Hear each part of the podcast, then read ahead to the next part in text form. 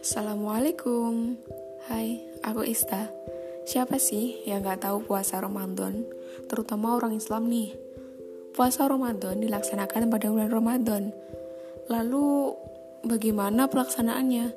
Syarat-syaratnya, rukun-rukunnya, dan problem-problem lainnya mengenai puasa Ramadan. Nah, aku di sini akan sedikit share mengenai hal tersebut. So, ditunggu ya.